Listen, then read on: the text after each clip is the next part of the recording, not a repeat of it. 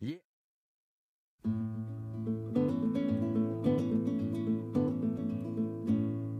Gute Nacht, Freunde. Es wird Zeit für mich zu gehen. Was ich noch zu sagen hätte, dauert eine Zigarette und ein letztes Glas im Stehen. Dit is Het Beste uit het Oog. De wekelijkse podcast van NOS met het oog op morgen. Buiten is het 26 graden. Binnen zit Max van Wezel. En van harte welkom bij deze nieuwe aflevering van Het Beste uit het Oog. Uw vaste gastvrouw Mieke van der Wij is met vakantie, maar de podcast is er natuurlijk. We hebben uit de uitzendingen van afgelopen week weer vier van de mooiste gesprekken geselecteerd. Met als extraatje, hoe kunt u het best in slaap komen tijdens deze moordend warme zomerdagen?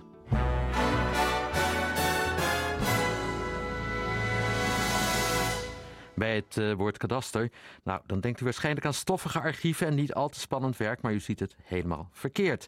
Het Nederlandse kadaster helpt in Colombia boeren een eigen stukje land te bemachtigen. En dat gaat zo goed dat het zelden leidt tot rijdende rechterachtige tafereelen.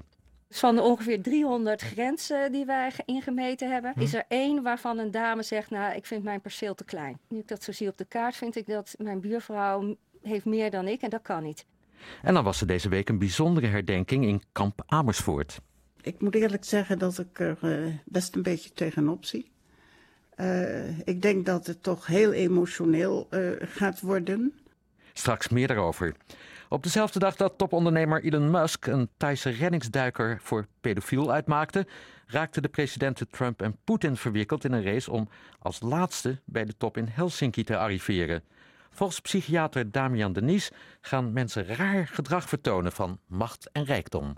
Ja, ik denk het wel. Ik denk dat uh, macht, uh, zoals uh, rijkdom, dat dat per definitie abnormaliseert. Dat het een mens abnormaal maakt. En ik denk ook dat het veel discipline en mentale energie vergt om, als je heel rijk bent en machtig, om normaal te blijven. Sommige mensen kunnen dat, maar voor velen is dat heel lastig. En hoe komt dat? Um, er zijn een paar uh, redenen voor. De, het eerste is denk ik uh, sociale isolatie. Iemand die heel uh, rijk en machtig is, die beweegt zich niet meer in het normale maatschappelijke veld, neemt geen. Uh, rijdt niet meer met de auto zelf, niet meer de tram, de, de, de, de trein. En bijvoorbeeld uit veiligheidsoverwegingen. Bijvoorbeeld. Zo, en, ja. en, heeft ook geen idee hoe de normale maatschappelijke, de normaliteit die toch uh, getoetst wordt aan de normale maatschappelijke samenleving, hoe die, hoe die werkt. Hmm. En de, in dat sociale isolement creëert hij een waardesysteem dat heel idiosyncratisch is, dat afgestemd is op zijn of hij of, of haar belangrijke waarden. Hmm. Dus dat is eentje, denk ik, sociale isolatie. Het tweede is, en dat vind ik ook wel een typisch voor mensen die heel machtig zijn. Uh, ik noem het gebrek aan tekort. Uh, een gezond mens heeft tekorten. En voor mij is een gezond persoon iemand die net voldoende honger en dorst heeft. Dat scherpt de mens. En men heeft ook aangetoond in studies dat. Maakt ook nederig misschien? Nederig, bescheiden, maar creatief, productief. creatief, ja, dus ja. mensen die in een laag sociale klasse zitten, die hebben een veel sterker empathisch vermogen, zijn ook scherpzinniger in de beoordeling van anderen, omdat ze dat als overlevingsdrang nodig hebben. Hmm. Machtige mensen, rijke mensen, die, ja, die, die worden als het ware door afgestompt. Die hebben die nood helemaal niet. Dus zij worden niet belemmerd door een tekort, wat normale mensen wel hebben, waardoor dat ze uh, helemaal los kunnen gaan uh, en, en daardoor uh, door die overdaad gedrag gaan vertonen dat helemaal niet meer strookt met wat wij normaal noemen. Ja, is, de, is, is dat ook, want ja, ik weet niet wanneer u dat nieuws, misschien hebben wij het u wel verteld hoor, maar van Elon Musk die, die het over een pedo-guy Ja. heeft. Ja, waar komt dat dan vandaan? Ja, Ja, ik denk dat in dat geval dat. u dat hebt hem niet onderzocht, dat ik, begrijp heb, ik. nee, maar... ik mag er niet zo zeggen, maar eh, eh, alhoewel dat er natuurlijk wel een heel interessante casus is, maar in zijn geval denk ik dat die man enorm zich gekrenkt voelde eh, en daardoor eh, eigenlijk onredelijk impulsief reageert als een soort van woedeaanval. Als je heel machtig bent en heel rijk, dan heb je de neiging om steeds verder te gaan. En dat is ook wel iets interessants. En dat heeft wel letterlijk met de hersenen te maken. Hm? Ons systeem, eh, het dopaminesysteem, dat ervoor zorgt dat wij plezier ervaren als wij iets extra krijgen, dat raakt na een tijdje afgestompt. Als je Ja. plotseling caviar aangereikt krijgt, dan is het de eerste keer fantastisch, de tweede keer ook, de derde keer, maar als je het negen dagen achter elkaar krijgt, dan wordt het saai en vervelend. En dan om dat dopaminesysteem nog wat actiever te laten worden, heb je iets nodig dat je verrast. Vandaar dat mensen die rijk en machtig zijn steeds verder gaan om dingen te verzinnen die verder liggen dan het gewone, om nog die verrassing te kunnen beleven. En zo'n Elon Musk die wordt blijkbaar gedreven om bij elke oprisping de meest eh, fantastische verhalen te verzinnen en eh, daar zijn hulp aan te verlenen om nog die bevrediging te ervaren van de erkenning die hij graag heeft van de hele wereld.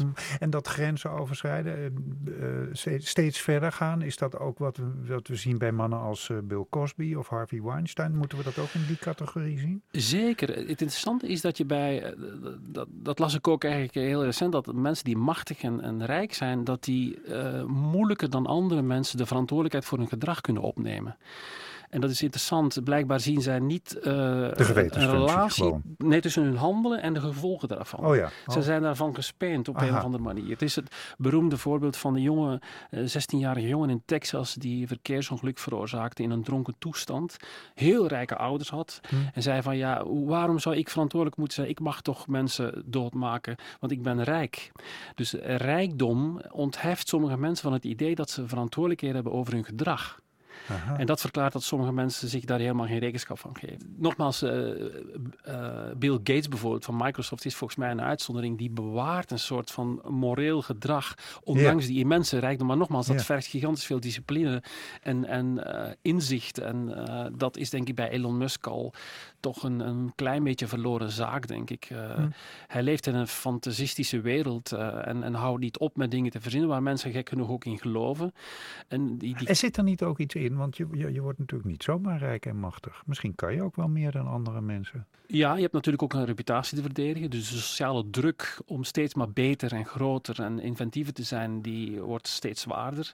En als je dat niet kan voldoen, ja, dan eh, heb je een groot probleem. Ik voorspel dat Elon Musk, eh, ja, ik denk niet dat het goed gaat aflopen. Maar goed. Nee, oké. Ehm, en hoe gaat het met mij aflopen als ik morgen eh, de, de, de, de loterij win en eh, nooit meer over geld hoef na te denken? Mijn advies zou zeggen, geef het meteen weg, bijvoorbeeld aan mij of zo. Oh ja, want u bent natuurlijk moreel sterk Nee, genoeg zou- om de... nee, Maar ik, denk- ik denk dat het ongezond is om rijk te zijn. Het is absoluut niet menselijk. Het is, Nee? eh, nee, overdaad En, schaadt. en je wordt er eigenlijk bijna altijd een slecht mens van, kan je dat ook zeggen? Ook dat, dus het schaadt de moraliteit. Mensen die bijvoorbeeld verkeersovertredingen plegen, lijkt ook, dat lijkt meer mensen met duurdere, rijke auto's zijn. Dus de, het gevoel voor moraliteit neemt af naarmate de rijkdom en de macht toeneemt.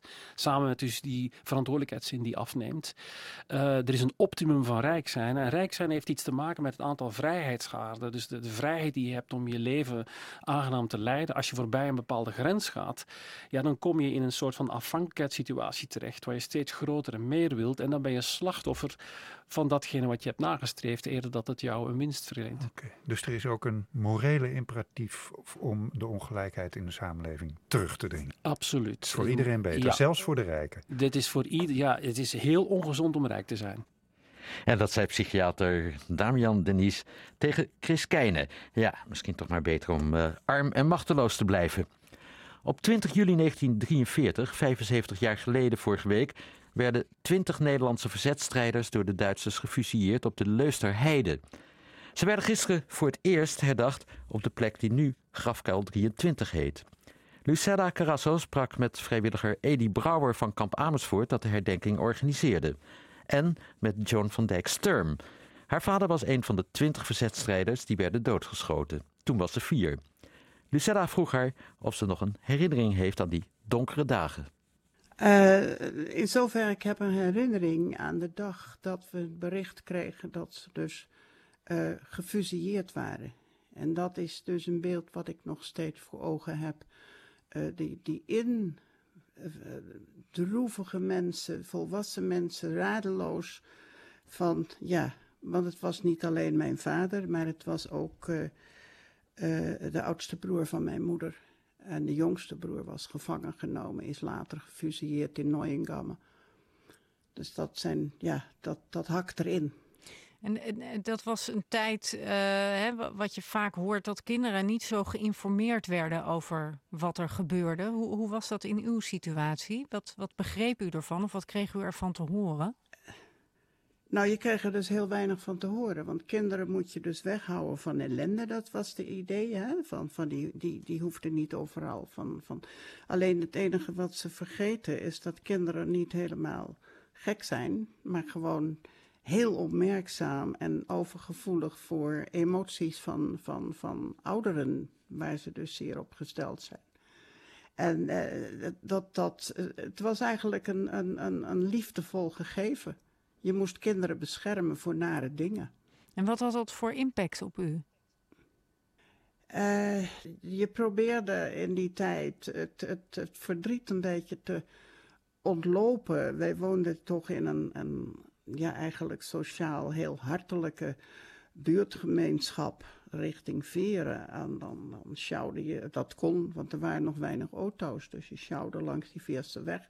En er was altijd wel een, een, een, lieve mevrouw die dan weer zegt, kom gaan we gezellig dit doen. Of we gaan, ik heb lekker, lekker limonade staan. En dat ze, dus iedereen was, was heel hartelijk voor je in die buurt. En dat, dat ving dan wel wat op. Maar je kunt natuurlijk nooit dat intense verdriet van die ouderen wegstoppen. Nee. En meneer Brouwer, deze twintig mannen, hè, waaronder dus de vader van mevrouw van Dijkstorm, waarom werden die destijds gefuseerd? Ze waren lid van de inlichtingendienst. En de inlichtingendienst, dat was uh, een spionagegroep. En uh, u moet zich voorstellen, uh, na de capitulatie, dat het zo was, Engelse vliegtuigen die moesten dan over Nederland vliegen, eigenlijk ongestoord, zoveel mogelijk, om Duitsland te kunnen, kunnen bombarderen. Ja, en dan heb je toch in Engeland heb je informatie nodig over de luchtafweer, uh, troepenverplaatsingen, noem maar op. En deze mensen, die verzamelden al die informatie. En die ging dan via een hele ingenieuze route, hè, via Zwitserland soms zelfs, hè, of uh, via een eigen gemaakte zender, kwam die informatie in Londen terecht. En Lou de Jong die schrijft ook van uh, deze groep, dat was de meest ja, succesvolle, meest belangrijke spionagegroep in ieder geval in de eerste helft van de Tweede Wereldoorlog in ons land. En toen zijn ze verraden dus door iemand? Ja, ja, door een Nederlander. ja, is dat bekend? Ja, ja we weten ook wie. en uh, een, een, een hele ja, geraffineerde Nederlandse infiltrant. En waarvan iemand nog zei, dat is toch wel een fantastische collega. Nou, dat bleek dus de grote verrader bleek dat te zijn. En dat was maar van de ene helft, want uh, bij een andere subgroep, om ze maar even zo te noemen. daar was het uh, dat het uh, weer een andere Nederlandse infiltrant was. En, en die infiltrant, is die gestraft naderhand? Hoe is het daarmee verder die gegaan? Ene, de laatste infiltrant, die kreeg op een bepaald moment, kwam die op de korrel bij het verzet. En toen heeft het verzet heeft hem zelf uitgeschakeld. Dat hebben ze niet al te handig gedaan, want ze hebben hem wel begraven. Maar al heel snel had de SD door dat, ja, dat het allemaal niet pluis was. En ze hadden het boekje waar ook de afspraken in staan. Dat had hij nog in zijn binnenzak zitten. Dus ze hadden binnen 24 uur hadden ze de daders. En het bijzondere is dat de daders van die aanslag, die zijn ook op de leusderij, de achterkamp Amersfoort. He, zijn die gefuseerd en die hebben ook voor een deel in kamp Amersfoort gevangen gezeten. En mevrouw Van Dijk, wanneer werd voor u duidelijk uh, wat de rol van uw vader was? Wat, wat hij deed voor Nederland en voor de, voor de Britten? Uh, ja, toch in de loop van, van, van, van de tijd uh, werd er door, door mensen over gesproken. En na, zeker vlak na de oorlog werd er dus vrijelijker over gesproken. En daarna was het weer een hele lange tijd stil.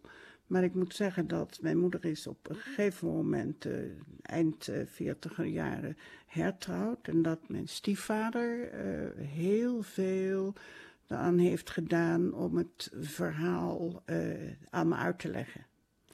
En dat, uh, mijn moeder kon dat niet, die was totaal kapot. Die, die, die heeft dus heel veel daar, uh, ja, psychisch ook, ook last van gehad. Maar goed, er waren gelukkig mensen in mijn omgeving die dit op een zuivere manier toch konden vertellen. En mevrouw Van Dijk, wat betekent dat voor u dat dat morgen gebeurt? Uh, dat betekent heel veel. Eh, ik moet eerlijk zeggen dat ik er eh, best een beetje tegenop zie. Eh, ik denk dat het toch heel emotioneel eh, gaat worden. Maar goed, dat, dat, dat is niet belangrijk. Daar kom ik wel weer overheen. Maar ik ben wel erg blij dat er eindelijk aandacht is voor wat daar is gebeurd vroeger in die oorlog. Ik ben erg trots op de moed die ze getoond hebben om zich te verzetten tegen, tegen de, de, de Duitse overmacht. Om te trachten op hun manier om, om wat voor het Nederlandse volk te doen.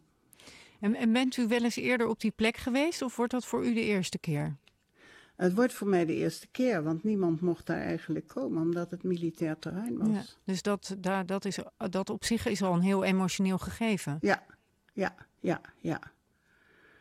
En uh, ja, we zijn er natuurlijk al, al uh, enige tijd mee bezig. En, en, het grijpt wel in, ja.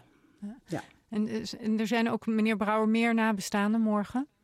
Uh, er zijn, nou u zei het al, twintig verzetsmensen. De jongste was 20, hè, de oudste was 35. Twintig zijn er vermoord, anders kunnen we het niet noemen. En daarvan hebben we van 18 hebben we de nabestaanden kunnen traceren. Uh, en een aantal uh, daarvan, ja, die hadden nog kinderen, die leven nog. En die komen dus ook morgen voor het eerst komen die op die plek. Ja. Dus dat is heel heftig, dat kan me goed voorstellen. Ja, dat wordt een, uh, een bijzondere en, en zoals u zei, mevrouw Van Dijk, emotionele bijeenkomst. Ik wens u daar veel sterkte bij. En dank voor uw verhaal. Dank u wel. Dank u wel. En meneer dank Brouwer, ook u, dank u wel. Edi Brouwer van Kamp Amersfoort en Joan van Dijksturm. Behalve dochter van een verzetstrijder ook oud-wethouder van Middelburg voor de VVD. Maandag had Chris Keijn een gesprek dat uw beeld van het kadaster misschien wel een beetje heeft veranderd. Het gebeurde bij Chris zelf in elk geval wel. Het komt door een project van het Nederlandse kadaster in Colombia. Daar is het vredesakkoord met de rebellenbeweging FARC. Daarin is bepaald dat miljoenen boeren eindelijk aanspraak kunnen maken op hun eigen stukje land. Probleem is dat nooit officieel is vastgelegd welk stukje land nou van wie is. Het kadaster is te hulp geschoten.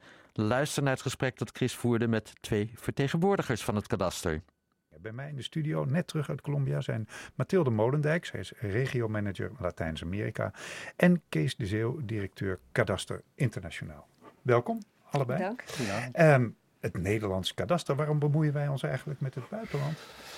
Omdat wij in Nederland een heel mooi kadaster hebben. Een heel systeem wat heel goed uh, functioneert. En die kennis het is, is gewoon ook, eigenlijk een exportproduct. Ja, die kennis is, uh, wordt zeer gewaardeerd in het buitenland. Dus we zijn met onze kennis in het buitenland zijn we een partij die uh, proberen te adviseren hoe je in het buitenland ook kadasters op kunt zetten. Ja. Niet zoals in Nederland, maar wel met een goede kwaliteit. Ja. Waar in Colombia, Mathilde Molendijk, werken jullie precies? Nou, wij uh, werken in de post-conflictgebieden. Dus ja. de gebieden die erg te lijden hebben gehad onder die uh, decennia van, uh, van burgeroorlog. Dus het zijn moeilijke gebieden waar wij werken. Eén gebied is meer aan, aan de kust, Apartado. En een ander gebied is meer iets ten zuiden van Bogota, Vistahermosa. Ja, wat be beschrijf ze dus? als je zegt moeilijke gebieden, wat betekent dat? Hoe ziet het eruit? nou, in ieder geval zijn het gebieden die die een moeilijke geografie hebben. Dus Hmm. mm. als je in het veld echt uh, percelen gaat opmeten, moet je bergen over, Hmm. door uh, kreken, rivieren. Uh, het is ook heel erg warm. Of het regent heel erg, dus dan zit je van, teen to, van top tot teen onder de modder. Hmm. Dus geografisch is het moeilijk, maar het, het, belangrijkste is natuurlijk dat de geschiedenis van die dorpen, de recente geschiedenis, heel Ja. moeilijk is. Er zijn allerlei massaslachtingen geweest, Precies. omdat ja. de bevolking zich bevond tussen de FARC en de paramilitairen. Dus die hebben daar erg on- onder te lijden gehad. En de overheid is dus ook heel lang afwezig geweest in die gebieden. Ja, Kees de nou zei ik wel, na 50 jaar is het geweld ten einde gekomen, maar dat is misschien niet helemaal zo. Is het ook nog gevaarlijk wat jullie doen? Nou, uh, wij gaan niet gevaarlijk gebied in, laat Hmm. ik het zo zeggen. Dat, uh, de veiligheid van onze mensen staat wel voorop. Ja, is het gevaarlijk? Ja, het is voor de mensen zelf toch nog best helemaal niet allemaal voorbij. Dus Er zijn het is nog ook veel nog steeds... paramilitaire groeperingen. Ja, nou, er zijn verschillende gebieden zijn er nog uh, die dingen die gevaarlijk zijn. Er zijn Hmm. gebieden waar nog mijnen liggen. Dus Hmm. ook uh, daar, dat zijn gebieden waar wij niet in kunnen. Nee. Dus er zijn wel een aantal gevaren die, uh, die nog steeds spelen. Maar vooral voor de lokale bevolking, laat ik dat uh, voorop stellen. Ja. Dat, uh, Mathilde Molendijk, wat doen jullie? Ik zie uh, mensen met meetlinten uh, door, door de bush lopen. Ja, dan moet je heel wat meters meetlint hebben. Want het zijn hele grote percelen. Ja. Nee, wij hebben een... Uh, ja, wij geven aan de, aan de jongeren uit die dorpen een smartphone. Daar staat een app op. En die app die communiceert met een, met een GPS. Dus dat is een grote staaf en daar hebben we een GPS opgeschroefd die hm. vrij goed meet. Hm. En dan gaat de boer, gevolgd door zo'n dorpsjongere, loopt langs de grenzen van uh, zijn of haar perceel. Wat zij als zijn of haar perceel wat, beschouwen. Wat de, ja. wat de persoon zelf uh, aangeeft. En dat wordt dan opgemeten via die app. Dus dat, doen, dat doen die jongeren dan.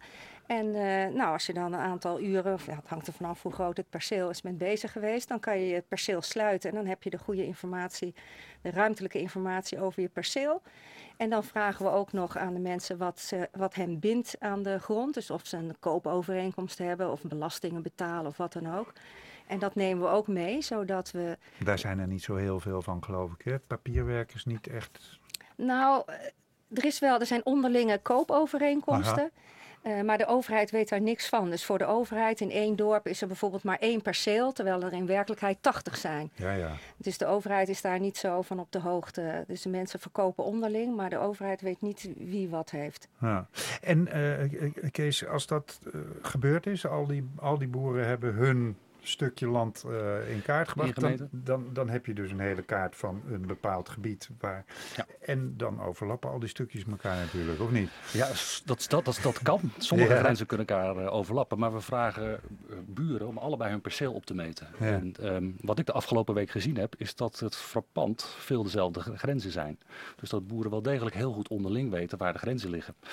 Dus er zijn in die zin komen er in het gebied waar wij nu bezig geweest zijn de afgelopen week niet zo heel veel conflicten naar boven over het, uh, over het landeigendom in die zin. Nee. Maar we brengen het eerst in kaart. Ja. En dan de volgende stap wordt, dat heeft Mathilde twee weken geleden in een ander dorp gedaan.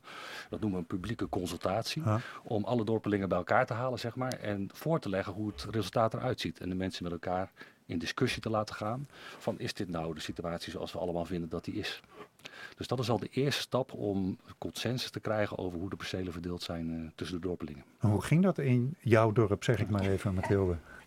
Nou, dat ging verbazend goed. Ja, ja de mensen van. Beschrijf even, in, in wat voor ruimte zaten jullie? Was nou, het een oude schuur of waar zaten jullie? Ja, normaal zitten we in uh, nou ja, eenvoudige huisjes. Ja. Uh, maar deze keer hebben we de mensen gevraagd om naar het gemeentehuis te, te komen. Of, en uh, we hebben ook een busje gecharterd om de mensen naar het gemeentehuis uh, te laten gaan. Omdat we een projectie hebben op, de, op een grote muur. Laten we dan alle gegevens zien die, dus, die zij zelf hebben ingewonnen. En vervolgens komt er dan een discussie per grensdeel of dat klopt. Dus zijn de buren het erover eens. En als ze het eens zijn, dan komen ze naar een tafel toe en dan tekenen ze soms met moeite, uh, ervoor dat ze akkoord zijn met, uh, met die grens. En, zo en dat wordt niet één grote rijdende rechter, zal ik maar zeggen? Nee, nee dus van de, ik heb, ben het nagegaan. Dus van de ongeveer 300 grenzen die wij ingemeten hebben, hm. is er één waarvan een dame zegt, nou, ik vind mijn perceel te klein. Hm. Nu ik het zo zie op de kaart, vind ik Eén dat... van de 300? Ja, nu ik dat zo zie op de kaart, vind ik dat mijn buurvrouw heeft meer dan ik en dat kan niet. Dus dat is eigenlijk het enige. En hoe hebben jullie dat opgelost? Nou, dat gaan wij niet oplossen. Hmm. We, we, gaan de rest wel oplossen, want die, eh, die zijn uh, oké. dus die kunnen dan verder en die mensen moeten dan met elkaar in gesprek gaan om eruit te komen? Ja, of, je kan er dan een, een expert naartoe sturen. Hè. En dat, als het echt niet op te lossen is door de mensen onderling, dan kan er een expert naartoe die, uh, die goed is in conflict mediation of een soort rijdende rechter. Maar dus in het grootste deel van de gevallen is, ja, weet men precies waar je perceel begint en waar het eindigt. Ja. En uh, Kees Tizeel, wat, wat is dan de volgende stap? Want vervolgens moeten er natuurlijk officiële eigendomsactes uitgegeven worden door, door de overheid. Is dat een proces wat soepel loopt? Of zijn nee hoor, dat is, dat, dat is geen soepel lopend proces, maar dat heeft heel veel met de overheid in Colombia te maken. Er zijn hmm. heel veel overheidspartijen die uh, betrokken zijn bij het proces van titels geven aan mensen. Ja. En die moeten allemaal met elkaar, er moet ook een proces af gaan spreken dat dat op een snellere manier gaat dan dat het nu, nu gebeurt.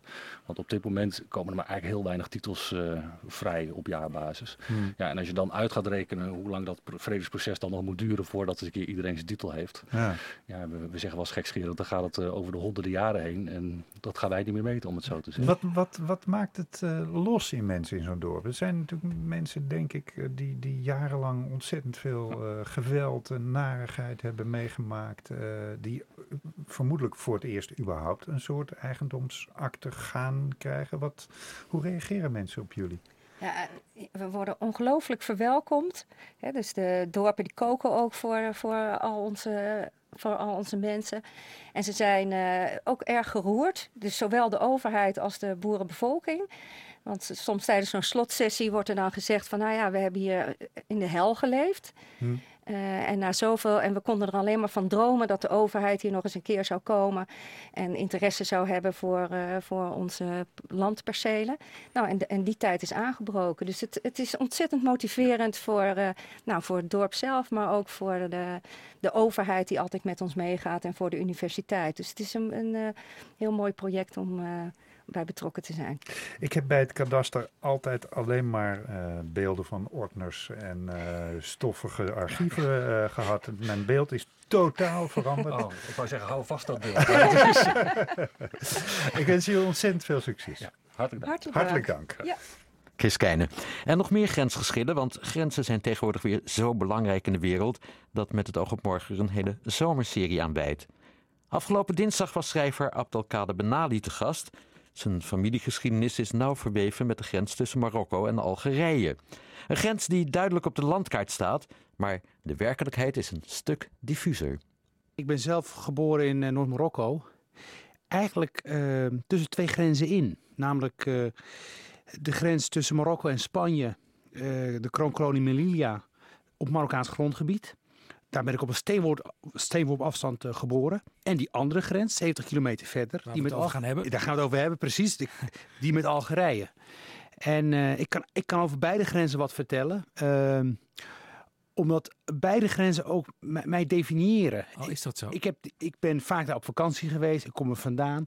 Ik heb ook gezien wat die grenzen met mensen doet.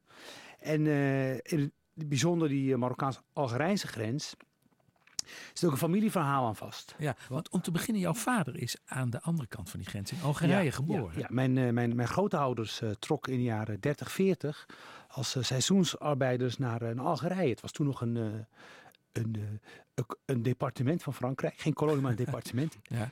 En, en over die grens werd getrokken, dat, dat, met instemming van de Marokkaanse en Franse autoriteiten. Want de arme uh, uh, keutenboeren, die mijn grootouders waren, die vonden in, uh, in, in Algerije op het groot grondbezit van de Pieds Noirs, vonden ze werk. En mijn vader is daar geboren. En ik zal nooit vergeten, toen met de opkomst van Google Maps, mm -hmm. vroeg ik mijn vader, waar ben je nou precies geboren? En toen heb ik hem laten inzoomen op de kaart van Algerije. Oh, ja. En hij zei, nou net buiten de Oran en uh, Wahran, zoals de Algerijnen het noemen. En daar is hij geboren en hij is op een gegeven moment uh, met zijn ouders weer mee teruggegaan naar Marokko. Dus de mensen die daar wonen en werken, die, voor, voor, voor hen bestaat de grens eigenlijk niet. Het is één gebied, uh, de talen vloeien, elkaar, vloeien daar in elkaar over. De gebruiken zijn hetzelfde en er werd ontzettend veel over en weer getrouwd. Oh ja? Ja, uh, het was uh, heel vanzelfsprekend dat een, uh, een boer die die kant optrok, daar een leuk meisje tegenkwam en dat mee terugnam naar, naar Marokko. Dus het was ook makkelijk om over en weer over die grens Heel heen makkelijk, heel makkelijk. De, de, de, die, die, die, die grens van Marokko-Algerije is 1200 kilometer lang. en op de, in de gebieden waar, waar die grens eigenlijk niet kan worden bestuurd door door, door de overheden in, in de hoofdsteden, lieten ze dat over aan de stammen. Want die stammen die kennen die grenzen beter oh ja. dan de mensen uit... Die bepaalden dat eigenlijk? Ja, die bepaalden dat. Ja. Jij bent ook veel in Nador geweest, hè? Ja, want daar, uh, daar, daar vierden we dan vakantie. Mijn, mijn vader bouwde daar een huis. En Nador was, uh, was echt een... Uh, werd in de eind jaren 80, begin jaren 90 echt overspoeld door Algerijnen. Oh ja? En ik heb het even uitgezocht. Wat ik niet wist is dat tot 1989 was die grens uh, gesloten. Door de, door de Sahara-kwestie. De, de grens tussen Marokko en Algerije? Ja, die, dat was een moeilijke grens. Die, maar in 1989 heeft de toenmalige koning van Marokko, Hassan II, in het kader van de, de, de Maghrebijnse samenwerking, het was, dat was toen een soort organisatie die werd opgericht om Tunesië, Libië, Algerije, Marokko, Mauritanië bij elkaar te brengen, hebben ze toen die grens geopend. En net in die periode, 1989 tot 1994, vierde ik vakantie in Nador. Dus toen kon jij maar zonder enig probleem heen en weer gaan? Nou, wij, wij gingen niet naar, we hadden naar Algerije gekund. Mm -hmm. Maar, maar je had daar niks te zoeken? Nou, ik was toen heel jong. En je, je zegt het nu even tegen mij, maar eigenlijk, eigenlijk vind ik dat heel jammer dat we dat nooit hebben gedaan. Dat, dat ik nooit de tegenwoordigheid van geest heb die jij nu wel hebt om tegen mijn vader te zeggen van hé, hey, je was er toch geboren, laten we er even naartoe rijden. Want het komt gewoon. En, en, en, en, ik zag dat, want ik zag hoe die Algerijnen al massa naar Nador kwamen. En dat zag je omdat het, het, het Algerijnse autokenteken was een totaal ander dan het Marokkaanse. En er kwamen heel veel Algerijnen naar Nador om daar boodschappen te doen. Om, uh, om spullen te kopen, want ja. uh, Algerije was een socialistische staat. Daar werden producten als suiker, graan, olie zwaar gesubsidieerd. Die kwamen ze in Marokko verkopen. En in ruil daarvoor kochten ze luxe producten. Ja. En, want je zei eigenlijk al, uh, de, tussen 89 en 94 kon je heen en weer. Ja. In 94 was dat feest voorbij, want toen werd de grens weer gesloten. Ja, klopt. Waarom gebeurde dat? Nou, het, het moet voor die mensen in Nador en aan, en aan de Algerijnse kant een, een, een, een complete drama zijn geweest. Want het openen van die grens zorgde voor economische bedrijvigheid. Ook voor het heen en weer gaan van families die konden elkaar zien. In 1994 vindt er een aanslag plaats in een hotel in Marrakesh. Uh, Hassan II koning linkt dat met uh, op dat moment de oorlog in Algerije tussen de overheid en de fundamentalisten. En die besluit dan om voortaan Algerijnen die naar Marokko willen komen, moeten een visum aanvragen. En als tegenantwoord zeggen de Algerijnen, nou dan sluiten we die grens ook dicht. En ik weet nog heel goed, ik ben toen uh, niet in 94, maar jaren later nog eens in uh, Oesda geweest. Oesda is uh, de grootste stad van Oriëntaals Marokko. Dat ligt echt bijna op de grens. Dat, dat, dat is een verzengend heet stadje. Wat tot aan 94 nog steeds mm -hmm. leefde van de smokkel Oh, ja. tussen Algerije en Marokko. En ik, ik was daar bij, bij een familie van me, die, die man had daar een horlogewinkel. En met hem liep ik door die stad en toen kwamen we bij een, kwamen we bij een soort van straat die richting nergens ging, weet je wel, zo'n zo, buitenwijk. En die zei toen, als je gewoon hier maar doorloopt, kom je in Algerije. Alleen, en toen zei hij, ja, maar de, de grens is gesloten. Feitelijk is die grens gesloten, maar er is heel veel informele migratie. Ook door ezels, hè, hoorde ik. Ja, klopt, ja. ja. Ja, er wordt ontzettend veel gesmokkeld. Ja. Uh, van alles en nog wat. Uh, suiker, uh, maar ook hash, amfetamine en heel veel olie. Olie uit Algerije naar Marokko. De olie, de benzine is in Algerije de helft goedkoper dan in Marokko. Mm -hmm. En daar weten de smokkelaars raad mee. mee. En, en, ze kunnen, de, als ze zelf niet over die grens kunnen om te smokkelen... Wat ze dan doen is, ze hebben ezels. Ondertussen uh, ga je al met ja, je handen ja, naar je oren. Op, op die ezel wordt een, wordt een Walkman gezet. Ja. Op die oren. En, en een cassettebandje met daarop het, het uh, geklik. Het geluidje wat ezeldrijvers maken om zo'n ezel te laten lopen. En dat klinkt zo. En dat gaat dan... Dat via die Walkman. Via die Walkman. En die ezel weet dan, nou, ik moet lopen. En die gaat dan richting Algerije. Daar worden, die, daar worden de vaten met benzine gevuld. En wordt de ezel omgedraaid. En weer richting Marokko geduwd. Zonder dat iemand uh, die, die, grens zelf over hoeft. Ja, iedereen, iedereen ziet dat door de vingers. Ja. Omdat dat, waarom? Omdat zodra de overheid soort van zero tolerance zou uh, beginnen daar bij die grens, dan zou dat grote maatschappelijke gevolgen hebben. Ja. Jij zei al, dat was eigenlijk één gebied hè, waar min of meer kunstmatig met de lineale grens doorheen ja. is getrokken. Wat, wat, betekent dat sluiten van die grens voor de culturele banden tussen die mensen die daar wonen? Tussen de, de, ja, want er werden natuurlijk is, hele gezinnen door, ja, nou ja, doorgesneden. Uh, als je je familie wil bezoeken, moet je, moet je een ticket boeken via Casablanca of Parijs. Ja? ja Terwijl ze vijf kilometer verderop ja, wonen. Ja, ja, ja. ja. En uh, dat, de, er is een informele uh, mensensmokkel. Je kunt voor 80 dollar, euro omgerekend, kan je met een mensensmokkelaar Algerije in om je familie te bezoeken en weer terug. En gebeurt dat op grote schaal? Gebeurt op grote schaal. Oh, ja. Er zijn heel veel mensen die hebben, die hebben gewoon familie aan de andere kant. En natuurlijk ga je niet voor een kopje koffie de grens over. Maar als er iemand doodgaat, uh, dan wil je afscheid nemen van, je, van, van een grootmoeder, vader, oom. Ja. En dan doen mensen dat. Koen Verbraak in gesprek met Abdelkader Benali over de poreuze grens tussen Marokko en Algerije. En tot slot van deze aflevering van Het Beste uit het Oog een aantal slaaptips van oud-wielrenner Henk Lubberding. Dinsdag vertelde hij bij Koen Verbraak hoe u ook op warme, zweterige zomeravonden snel in slaap kunt komen. Dat bracht een van de eindredacteuren van het Oog op het idee om het geluidsarchief in te duiken op zoek naar een opname van zo'n 40 jaar geleden. Op Koen hadden al die tips het gewenste effect. Het is vijf voor twaalf. De Tour win je in bed, zei Joop Zoetemelk al jaren geleden. En er wordt naar hem geluisterd, want bij steeds meer ploegen staat een goede nachtrust bovenaan het lijstje. En met een paar hele warme dagen in aantocht kunnen wij daar thuis misschien ook wel iets van opsteken. Ik ga daar even over praten met Henk Lubberding, oud wielrenner. Dag meneer Lubberding, goedenavond. Ja, goedenavond. Sliep u altijd goed tijdens de Tour? Nou, dat probeerde ik althans wel. Maar ik heb wel heel wat truc uit moeten halen. Noem eens wat. Uh, Novotels Mercure stonden bekend om airco's die je niet het kamer kon regelen. Dus dan ging je de badkamer in en dan trok ik dat, probeerde ik althans een, een, eh, een pijp los te trekken. Of uh, als dat niet lukte, dan ging er een, een rooster uh, bovenuit bij de kamer. Dus er was altijd schade als u geslapen had? Nou, nee, daar repareer je zo weer. Dat is even een tactisch, daar word je steeds handiger in. Roostertje eruit, een grote handdoek erin, maar dat begint op een gegeven moment natuurlijk een beetje te suizen. Maar daar ga je wel aan wennen. Maar die wind, daar had ik echt last van. En als je geen airco's had, dan had je weer een ander probleem soms. Dan was het te warm op de kamer. En hoe ga je dat oplossen? Ik kan me herinneren, een keer een rit in, uh, in, in in Bessège, in ieder geval in die buurt. En toen sliepen we in huisjes, met vier renners in een huisje. Ik was de laatste die binnenkwam en ik lag tegen het plafond. Dus het kon niet warmer, daar is daar bovenin. Ik zei, jongens, jullie kunnen wel denken dat je met mijn voeten kunt spelen. Maar Henkie gaat op het balkon liggen. Nou, het balkon was een terrasje voor. Dus ik heb die schuif door, die puien losgegooid. Ik heb mijn matras er neergelegd. Ik heb de hele nacht buiten gelegen tot een uur of zes. Toen begon ik het een beetje kil te, kil te voelen. Toen werd ik wakker van. Maar ik had geweldig geslapen. En die drie gasten daar, die dachten dat ze een goed bedje hadden. Ja, die hebben zitten zweten, zitten mattelen om in slaap te komen. Maar één keer goed geslapen. Nou wordt het de komende dagen heel warm. Hebt u nog een slaaptip voor ons? Een slaaptip? Nou, ik denk dat het verstandig is dat je uh, in ieder geval afgekoeld naar bed gaat. Hoe doe je dat? Nou, daar kun je, uh, heel veel mensen denken met een hele koude douche. Ja. dat hoeft niet altijd. Er zijn ook mensen die met een gewone lauwe douche eigenlijk al de warmte kunnen kwijtraken. Maar dat is het persoonlijk en gewoon eens uitproberen. En als je het met koud doet, dan zeg ik altijd, wat ik vroeger in de sauna al leerde, van buiten beginnen, buitenkant binnen, binnenkant binnen eindigen, armen buitenkant, binnenkant eindigen. En dan ga je je borst pakken, en dan ga je je rug pakken en dan ga je, zet je je hoofd eronder. En dat is eigenlijk... Uh, maar ja, dat is... Uh, de ouderwetse saunaweg werkt nog steeds ook voor het goed slapen.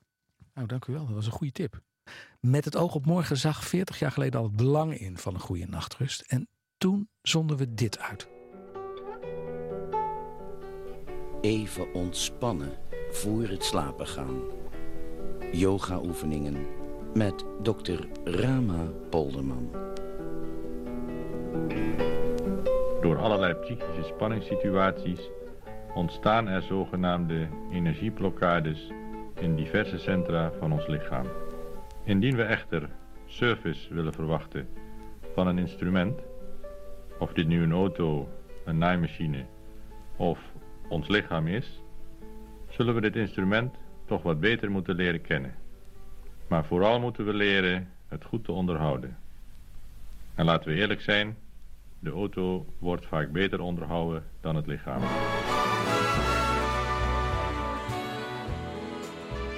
Koen, moet nog even afkondigen. Uh, nou, hij is blijkbaar in slaap gevallen. Nou, dan doe ik het wel, uh, het programma afsluiten. Uh, even voor de duidelijkheid, morgen zit hier Marcia Luiten. En ik wens jullie allemaal een goede nachtrust. Wird Zeit für mich zu gehen. Was ich noch zu sagen hätte, dauert eine Zigarette und ein letztes Glas im Stehen.